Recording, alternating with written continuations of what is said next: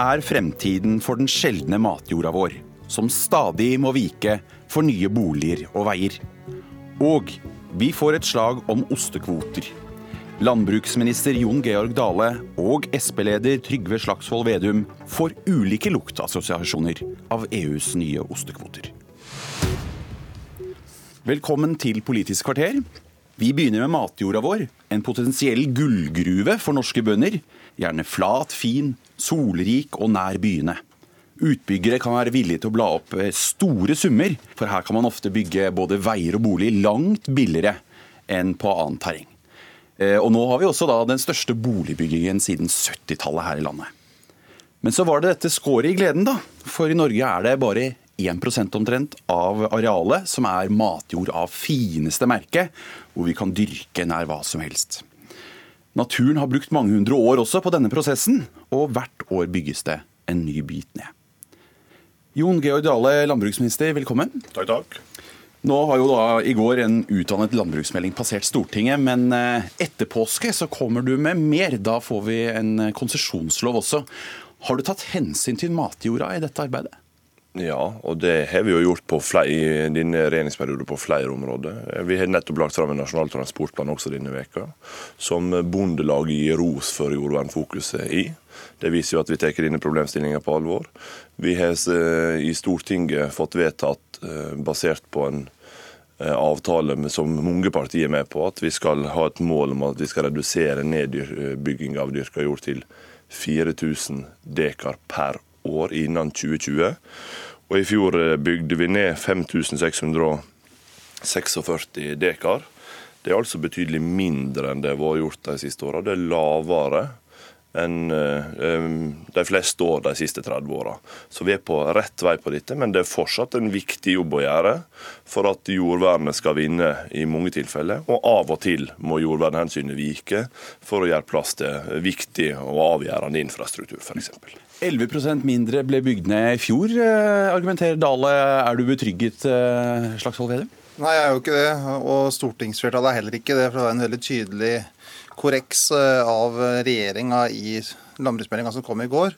Så er det viktig å huske at også regjeringa ble overkjørt av Stortinget når det nye nasjonale jordvernmålet ble satt. Fordi regjeringa ønska 6000 dekar, og så sa stortingsflertallet at man ønska 4000, for man ønska å være mer ambisiøse. Og så har vi jo sett eh, at når Frp fikk landbruksministeren For å ta et eksempel. Når jeg var landbruksminister, så var vi på Vestby, på et flott matjord der. Der sa vi nei til at vi skulle bruke matjord til parkeringsplasser og et nytt Ikea kjøpesenter. Med en gang Frp overtok makta, så reiste de og sa ja til å bruke matjorda til uh, parkeringsplasser og kjøpesenter. Vi så det samme i Trondheim. og Det har vært en helt feil tenkning fra Fremskrittspartiet. og Listhaug reiste ut og jubla, nå er det liksom framtidsretta. Vi mener det er noe av det klokeste man gjør, er å ta vare på maten for kommende generasjoner. Derfor et strengere jordvernsmål. Derfor som også staten tørre å si nei når sterke kapitalinteresser ønsker å bygge ut matjord, istedenfor f.eks. ha et kjøpesenter. Men Senterpartiet som ivrer så mye for kommunalt selvstyre i så mange andre saker, hvorfor skal her man legge nasjonale føringer og overprøve kommunenes vedtak? For det er en så knapp ressurs. altså da, Ta de 50, ta 50 mål, da, sånn cirka, som var det parkeringsplassen på Ikea-anlegget. Det er 50 000 brød hvert eneste år til evig tid kan du få på det arealet. Og vi mener det er klokt for et lite land med lite god matjord å ta vare på den ressursen ut fra en beredskapstenkning. For det kommer aldri til å gå av moten å spise mat. Det kommer til å spises mat også om 50 år. Og vi vet at det er en sårbar knapphetsressurs i hele verden. Og da må vi være konservative, tørre å tenke på at utenkelig også kan skje, på, skje med oss, at vi får matknapphet. Og da må vi ta vare på den ressursen og heller bruke noe av de over 90% andre arealene i landet som ikke berører matjorda. Og Der må den være litt streng, og det blir det litt dyrere. Men det er langsiktig, god, konservativ, klok politikk å ta vare på den norske matjorda. Nasjonale føringer, alle? Ja, Det er jo artig å vite at Trygve Slagsvold Vedum finner behov for å begrense det rød-grønne flertallet i Trondheim, som han er med og sørger for at sitter der. Eh, men det er jo sånn, eh, dobbeltkommunikasjon fra Senterpartiet har vi jo vent oss eh, til etter hvert. Men det er altså sånn at når Trygve Slagsvold Vedum var landbruksminister i den forrige rød-grønne regjeringa, så var snittnedbygging 7600 dekar årlig. Det er mindre nå. Det er jeg veldig fornøyd med, og det er tross alt resultat av politikken som teller, ikke bare den billige retorikken til Senterpartiet. Men det som gjør at dette er viktig, er jo to ting. Punkt én, Vi trenger å bruke den beste matjorda vår bedre. Derfor gjør vi viktige grep i jordbrukspolitikken for å stimulere til det. Det handler f.eks. om å bedre kornøkonomien, som gjør at det faktisk er lønnsomt å produsere mat i disse områdene. Det andre vi gjør, er jo nå å sørge for at vi nydyrker fire ganger så mye areal som vi bygger ned. Og så kan en si at ja, den kvaliteten på den matjorda som blir bygd ned, er nok over eh, per nå noe bedre enn på den nydyrka som kommer. Men tross alt så har jo bønder gjennom mange generasjoner bråte ny jord, dyrka nytt. Og det i sum har utvida vårt jordbruksareal.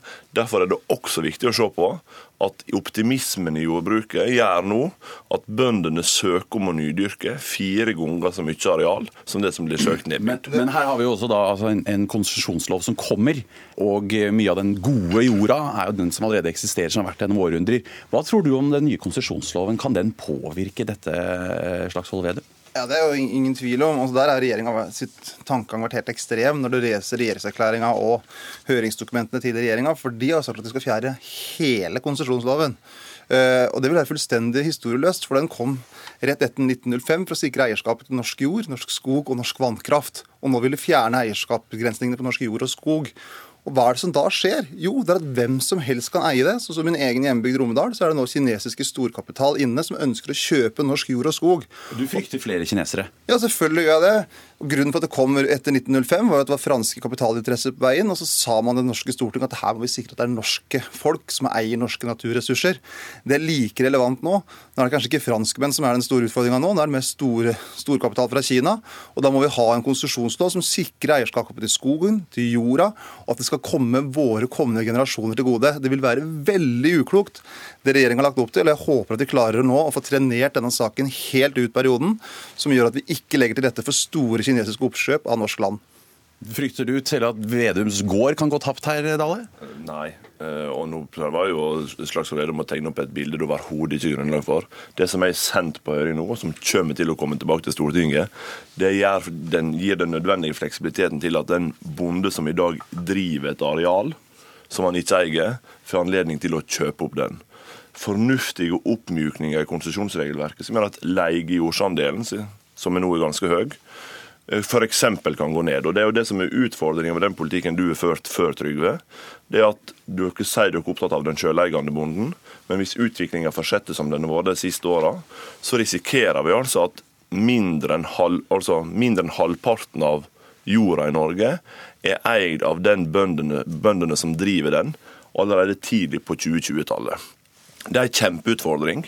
Derfor må vi ha et konsesjonsregelverk som gir nødvendig fleksibilitet for eh, grunneierne til å handle med jorda, sånn at den i større grad kan havne på hendene til den som eier den.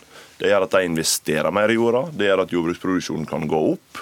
Det er viktige og fornuftige grep som vil komme fra regjeringa i den eh, meldinga. Vedum kort til slutt. Ja, det er sånn mikroperspektiv. Du tar det er null problem. Jeg har kjøpt masse jord de siste åra. Sånn småflekker, for jordloven åpner for det. For den lokale grunneieren.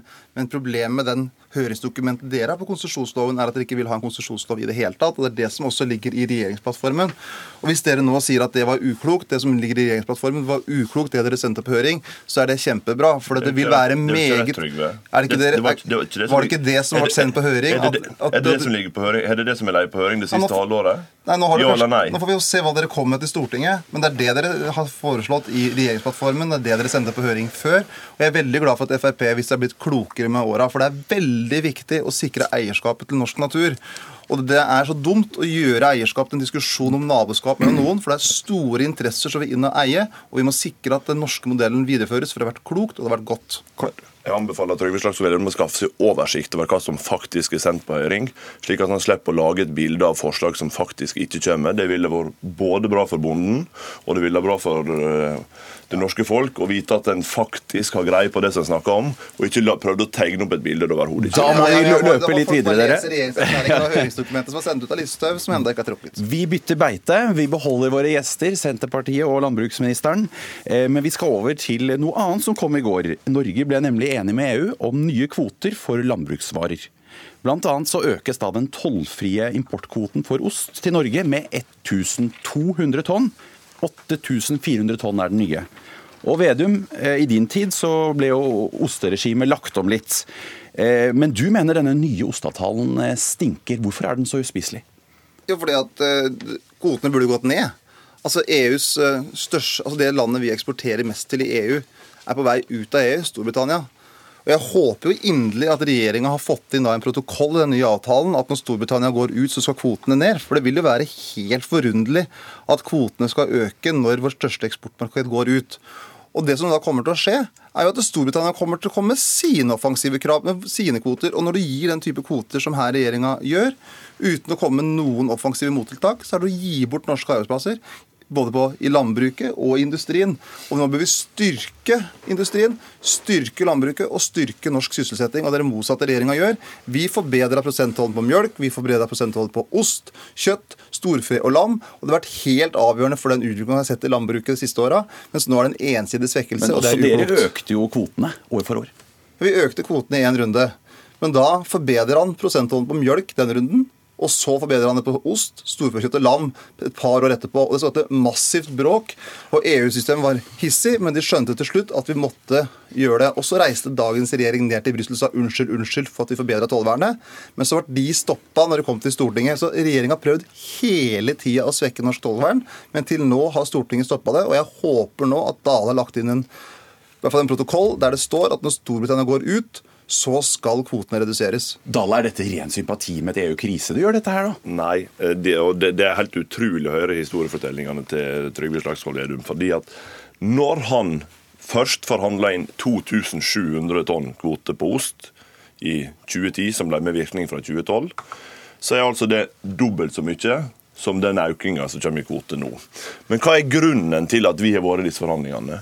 Jo, det er jo nettopp det grepet Trygve gjorde som landbruksminister når han endra fra kronetoll til prosenttoll.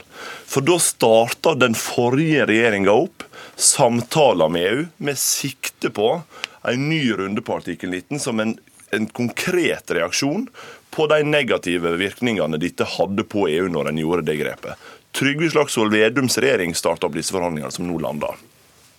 Og Så har vi hatt en diskusjon med EU over tid, men det er ingen tvil om at de kvoteinnrømmelsene som kommer på ost nå, er en direkte konsekvens av at en måtte starte opp igjen nye forhandlinger med EU, basert på at en faktisk gjorde det grepet som Trygve gjorde som landbruksminister. Så vi må bare leve med dette, da? Det, det er jo sånn at Vi har inngått en EØS-avtale som sier at vi skal gradvis liberalisere vår handels- og jordbruksavtale. Presset på Norge på å levere nye kvoter på ost gikk betraktelig opp som en direkte konsekvens av at Trygve la om til prosenttoll. Dale sier jo her at det var negative virkninger på EU. Det vil si at det var en positiv virkning for norsk industri, for norske arbeidsplasser, for norsk matproduksjon i hele landet. Så var det ingen tvil om at noen av de største meierikonsernene i Europa ikke likte det. Men vår jobb som statsråd i Norge det er å stå opp for våre interesser og sikre at vi har verdiskapning i hele landet. Og vi må slutte med denne naive politikken at vi skal sitte her i Stortinget eller i Dale Frp regjering og gi konsesjoner til EU. Vi må stå opp for våre interesser. Og da er det et veldig godt spørsmål slutt. Har dere lagt lagt inn noe som helst forbehold når Storbritannia går ut av, av, EU. For det er den største eksportmarkedet vi har. Og det er selvfølgelig veldig relevant når vi nå inngår nye avtaler med EU. Dale er veldig taltrengt nå. Ja, altså for det første, Vi har offensive interesser. Norsk næringsliv kommer til å få økte tollfrie kvoter til EU som en direkte konsekvens av den avtalen vi nå inngår. Vi snakka med mange aktører både i landbruket og i næringsmiddelindustrien som ser for seg eksport på mange produkt, som de nå får økt og bedra sin markedsadgang til EU på. Så dette er ikke en ensidig til fordel for EU. Dette er også henta inn offensiv interesse fra norske side, som vi bidrar til å nå eh, gi grunnlag for økt handel. Og så glemmer jo Traksvold Vedum det mest sentrale. Norge er helt avhengig av handel med EU. Det er vårt største eksportmarked det er det markedet som i størst grad sikrer distriktsarbeidsplasser i Norge. Det er det markedet som eh, Trygve Slagsvold Vedum gjennom sin EØS-motstand i størst grad setter i fare. Er det EU vi skal leve av, Trygve? Vi skal, vi, skal, vi skal, leve av mat til og sist, og, og hverandres verdiskapning. Men vi kan ikke ha en regjering som er så servil overfor EU, som bukker og takker for alt som kommer fra Brussel, og glemmer det norske folk. Da er vår tid ute, dessverre. Den renner ut fortere enn matjorda vår. Eh, vi kan jo nevne all det til sist at vi også får en ny ribbekvote. Forhåpentlig er da ribbekrisen til jul avlyst. Takk til Trygve Slagsvold Vedum og Jon Georg Dale. I studio satt Sindre Heiland.